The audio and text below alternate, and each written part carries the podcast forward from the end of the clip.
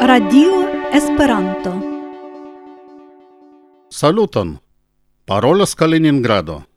La duda cunuan de maio di manche el la studio de Radio Esperanto vin salutas Aleksandr Korzenkov kaj Halina Gorecka. Vi auscultas nian trian ciaran ca in tuta la quardec trian son programon. Gi tamen ne estas ordinara, char temas pri comenzo del nova periodo de nia podcasta serio. Bona ocaso por retrorigardi. Nia unua son programo estis enretigita antau nau jaroi, la quinan de februaro 2008. Unua gi estis conceptite kiel son servo de la ciumonata gazeto de la Ondo de Esperanto – sed jam post du monatoj ĝi ricevis la nunan nomon Radio Esperanto. Unua, ĉar nur du tri tekstoj el ĉiu nova ondo, entenanta ĉirkaŭ kvardek tekstojn, prezentiĝis en ĉiu nova programo, kaj due, en ĝi aperis kanzonoj kaj aliaj programeroj neligitaj kun nia gazeto. La programojn compilas kaj gvidas ni duope en Kaliningrado, excepte de tri programoj produktite en Moskva antu ses jaroj – De tempo al tempo ni programoi partoprenas aliaj personoi. En la jaro 2000 aperis dek ok programoi, sed en la 2009 nur uno, char la nova redakcia computilo, cetere gi jam tute ne estas nova, jam okjara, do la nova redakcia computilo estis ne nur pli potenca ol la antaua, sed anco pli brua, kaj citiu bruo forte genis la registradon – En 2010, danca al ceto de teco computilo, igis eble daurigi la registradon, sed poste la pereritmo eclamis pro san problemoi pro nia restado en Moskvo cae pro electo de aliei labor prioritatoi. Ecde junio 2013, Radio Esperanto dum pli ol du jaroi silentis, care aperis nur en augusto 2015. La unuae tridecunu programoi de Radio Esperanto estis ausculteblei, elŝuteblei kaj aboneblei ĉe la unua ruslanda podcastejo Arpod. Sed fine de 2004 la iniciatoro de Arpod, la legenda ruslanda podcastisto Vasili Strelnikov fermis ĝin kaj ni akuzis la podcastejon pod FOMO.ru. Gi montrigis ne tre opportuna, cae egde nun Radio Esperanto, danca la cunlaboremo de Aleksandro Sokin, havas sian propran reteion, kun pli opportuna interfazzo cae kun rimarkinde pli rapida el shuteblo. Iom postium, en la nova reteio, idgios el shuteblei ciui gis nunei podcastoi, che na parte rubricoi povas conatigi kun niei literaturai cae musicae programeroi. La hodiaŭa programo ne estas kutima ankaŭ pro tio, ke vin alparolos ne du, sed kvar personoj. Anstataŭ la ĉiama Kaliningrada felietono de Halina, post unu minuto nia filo Aleksej rakontos pri tiuj, kiuj faras radion Esperanto. Kaj post la neeviteble Esperanto novaĵoj kaj prezento de la freŝa numero de la Ondo de Esperanto, vi aŭdos la voĉon de la krimea esperantisto kaj muzikisto Paulo Mojajevo, kiu recenzos la diskon sen elezi de Jacques Lepiil, kies populara canzono revenos mi, finos la programon. Bonvolu scribi al ni, kiel vi taxas nia novan podcastan reteion. Compreneble, ciem interesas nin ancu via opinio pri niei programui. Bonan auscultadon!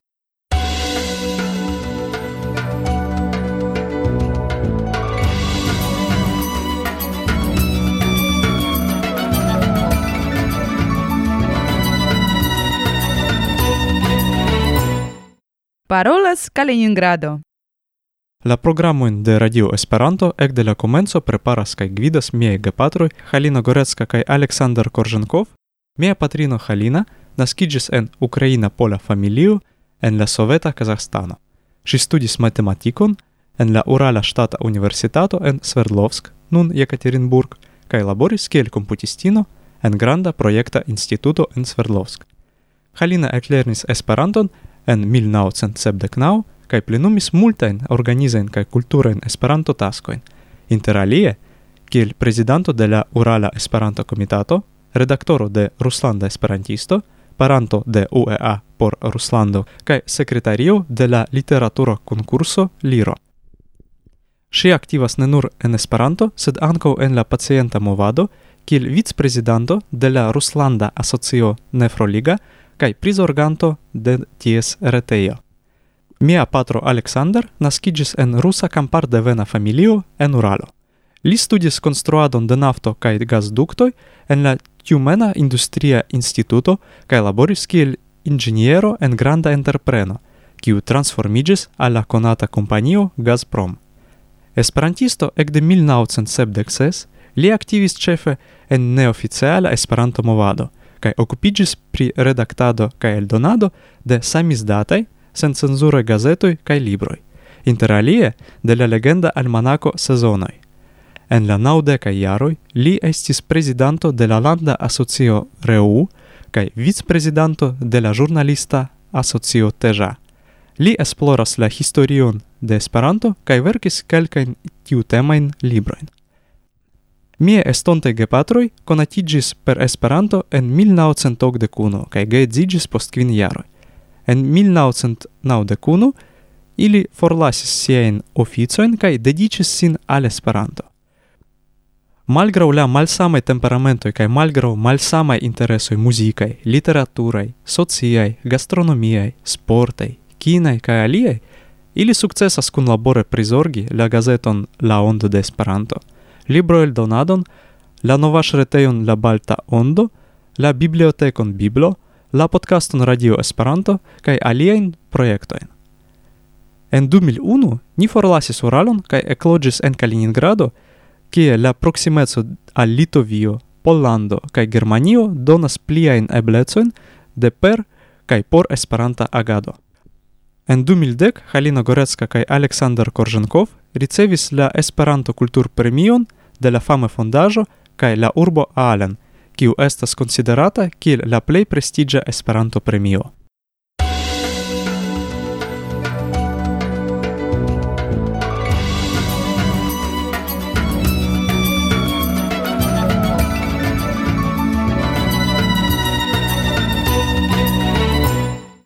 Esperanto novaĵoj. Fine de aprilo eksplodo lanĉiĝis la apo aŭ poŝtelefona aplikaĵo Amikumu, kiu helpas trovi proksimajn esperantistojn. Tri tagojn post la lanĉo abonis al Amikumu du mil sepcent kvindekok esperantistoj, kiu sendis pli ol tridek mil mesaĝojn. Tri kvaronoj de amikumantoj havas malpli ol tridek kvin jarojn, kaj la veraĝa aĝo de ĉiuj estas tridek ses jaroj.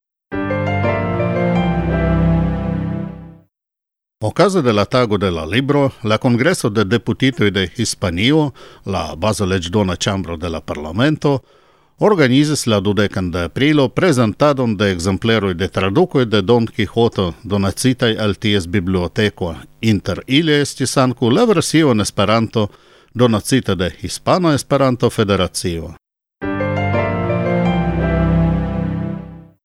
Оказывали Холокауста тагу, энла Израиля меморею яд вашем, Oni metis flor cronoi nome de la presidento, chef ministro, state instancoj kaj diverse organizaĵoj, inter kiuj same kiel ĉiujare estis flor crono nome de la Esperanto Ligo de Israelo kaj UEA. Okcent instruistoj el la urbo Sorizo, el la brazila ŝtato Mato Grosso estos liberigitei de sia laboro por partopreni en la quindec dua Brasile Esperanto-Kongreso okazonta en junio. Per interconsento inter la organizantoj de la kongreso kaj de la loca officeio pri edukado kaj kulturo, la instruistoj rajtos partopreni sen cotizo en la kongresaj prelegoj kaj kursoj. Osmo Buller, la antaŭa multiara generale direktoro de UEA, Jus esti selectita kiel membro de la municipa concilio en Taivakoski en nordorienta Finlando. Lau informo de la rubriko Lasta aperis de la revuo Esperanto de UEA, en la pasinta jaro surmercatigis cent ogdec naŭ libroj. Pli multe libroj, ducent kvar, lasta foje aperis en la jaro 1910. Plej multajn librojn, entute tridek unu, same kiel kutime en ĉi tiu jardeko, produktis Monda Asembleo Socia prizorgata de la senlaca Wilhelmo Lutermano.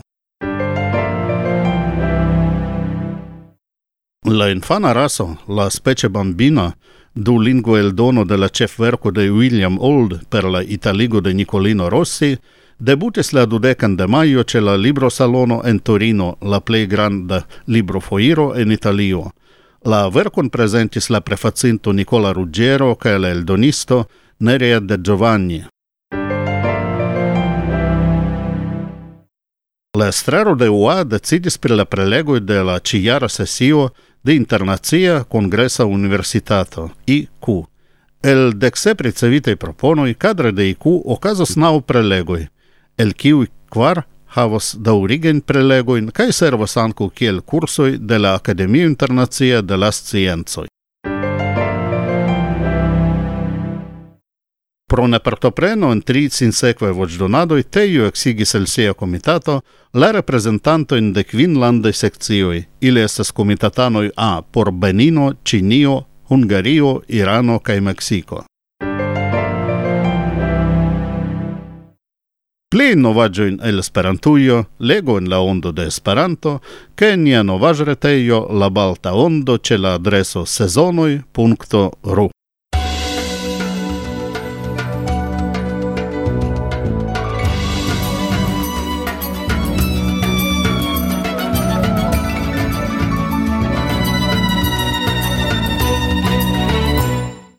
La ondo de Esperanto, maio. Anto tri semainoi, la unuan de maio, estis publicigita la maia numero de la Ondo de Esperanto, kiu ciare aperas kiel bit gazeto.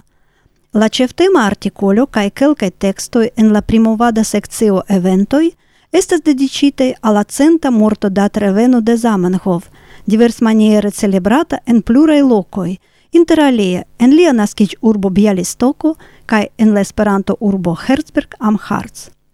Posta jubileje materialoj, en eventoj sekvas multaj artikoloj при есперантиста активадо en diversaj landoj, interalie pri la lanĉo de la telefona aplikaĵo Amikumu, pri la inaŭgura sesio de la nova civita parlamento, pri la dek oka Israela есперанто. De Esperanto, pri la deka mez Orienta Esperanto kunveno en Kartvelio, pri la tricenta monata Esperanto kurso ĉe la Seula – Pri lingva festivalo por lernejanoj en la ruslanda urbo Kaluga, al kiu estas dediĉita la kovropaĝa foto kaj aliaj artikoloj. En la sekcio Tribuno Xavi Alcalde kadre de sia ciklo Tradicio kaj Moderneco pritraktas la temon pri la nombro de esperantistoj en la mondo. Johan Derks kontribuas al alia eterna temo la landnoma kaj Claude Normand racontas pri quin petalo Esperanto-centro en Franza Villaggio. Okaze de la sesdeca nascic dat reveno de la Esperanta poeto, tradukisto, komponisto kaj kantisto Nikolaj Lasgaĉov aperis lia kvarpaĝa membiografio en la sekcio arkivo kaj sespaĝa kolekto de liei poemoi en la sekcio kulturo. Krome en la kultursekcio estas publikigita la tradicia statistika revuo de Aleksandr Karženkov pri la Esperanta libro produktado en la pasinta jaro. En mozaiko, kiel kutime, estas nova vers enigmo de Valentin Melnikov kaj spritaj splitoj kaj presk eraroj de Ištvan Ertl. Kelkaj tekstoj kaj pluraj teksto komencoj el la maja ondo estas legeble en ĝia demonstra versio. Vidu la adreson en la teksta prezento de ĉi tiu programo. Ni memorigas, ke la ondo de Esperanto – aperas ciu monate krom augusto kiel bit gazeto laŭ la normoj podofu kai Epubo. ciu abonantoi ricevo sen pagan literaturan suplementon. Gi estas abonebla contra dek kvin euro por la tuta iaro ce landaj perantoi UEA konto cae per la mon paga sistemo PayPal. Plie informoi estas en nie reteioi, – esperanto-ondo.ru kaj sezonoj.ru.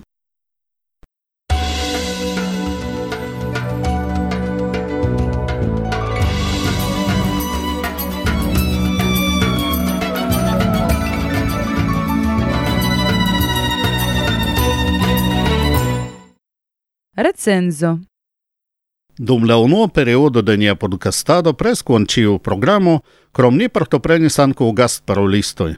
Hodiv ni bonvenigas Paulon Mojajevon el Crimeo, kiu legos al vi sian recenzon pre la disco Sene Lezi de Jacques Lepuil. La recenzo aperis en la aprila caiero de la Ondo de Esperanto.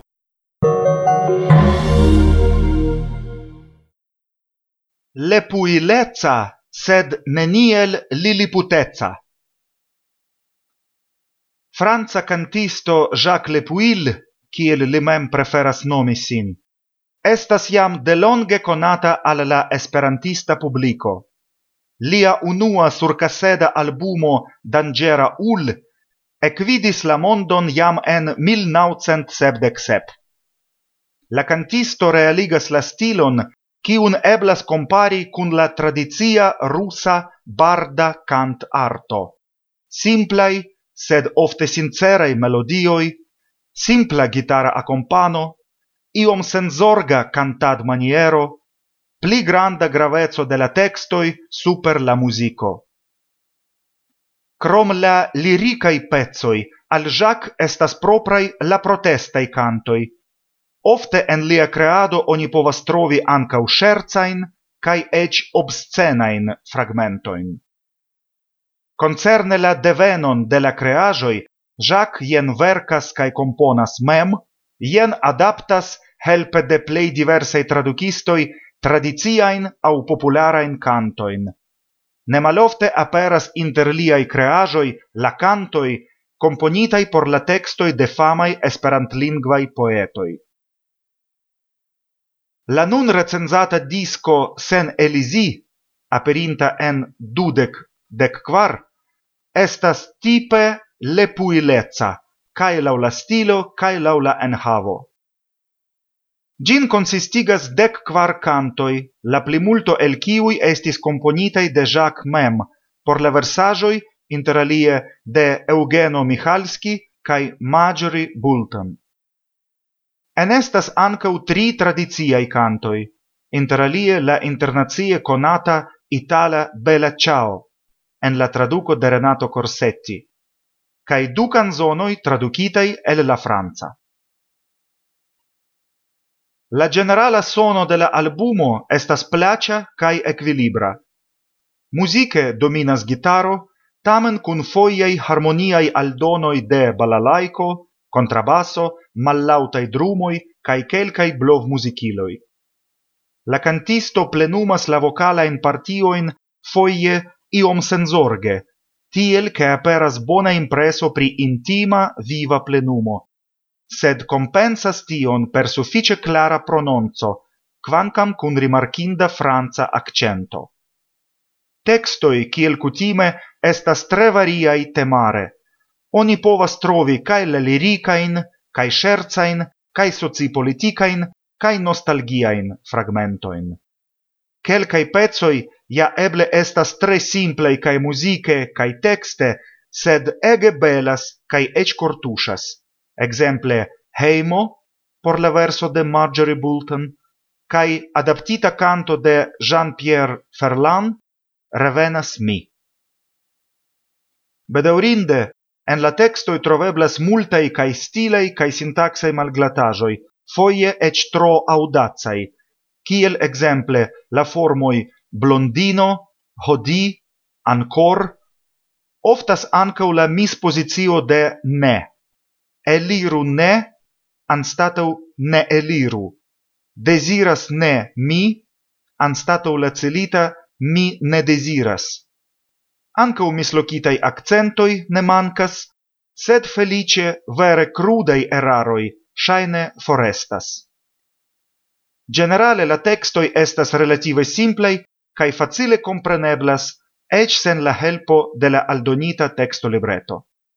Entute la albumo impresas tre vive cae positive. Gi sendube havendas por la ŝatantoj de la lepuilezza stilo, sed estas anco bona ocaso por conatigi kun gi, por tiui, kiuj ne faris tion antaue. La relativa simplezzo de la lepuilezza stilo neniel estas Liliputeca. Voce legis Paulo Mojaevo, la recenzinto. Nidancas al Paolo Prolea el poco proponas al vi ausculti la canzonon Revenasmi el la albumo Sen Elesi de Jacques Lepuil. Gis reaudo! Ne già di sre c'è l'equatore Blovetis nord c'è la banchise Ne blu lavoras la castor Cielo bleu à Saint Paris. Ho karastran gas la saison E l'irune ke chirmoul bord. Kirlidjas mondo sen rezon Yen gelasud kaj svita nord. Faro fajron en la kamen Venas mi al heim. Gravas nur la varmezzo en graves nur ni mem. La seino shainas dum junage Kai sen sufera proveter. Mi sekvas gin kai sen village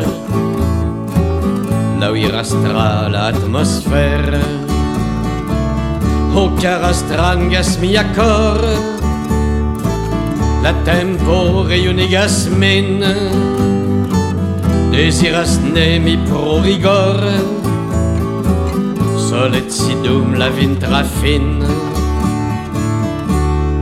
Faru fairon en la kamen Venas mi al heim Gravas nur la varmezzo en Gravas nur ni mem post mia granda vive voyage. Rememorajon de valor kun portas mien la pacage la emon pri jardin labor. Faru fairon en la kamen venas mi al heim Gravasnoer, la soen, Gravasnoer ni mem. Faru feironen la kamen, venasmi alheim. Vindro povas foririam, Gravasnoer la am.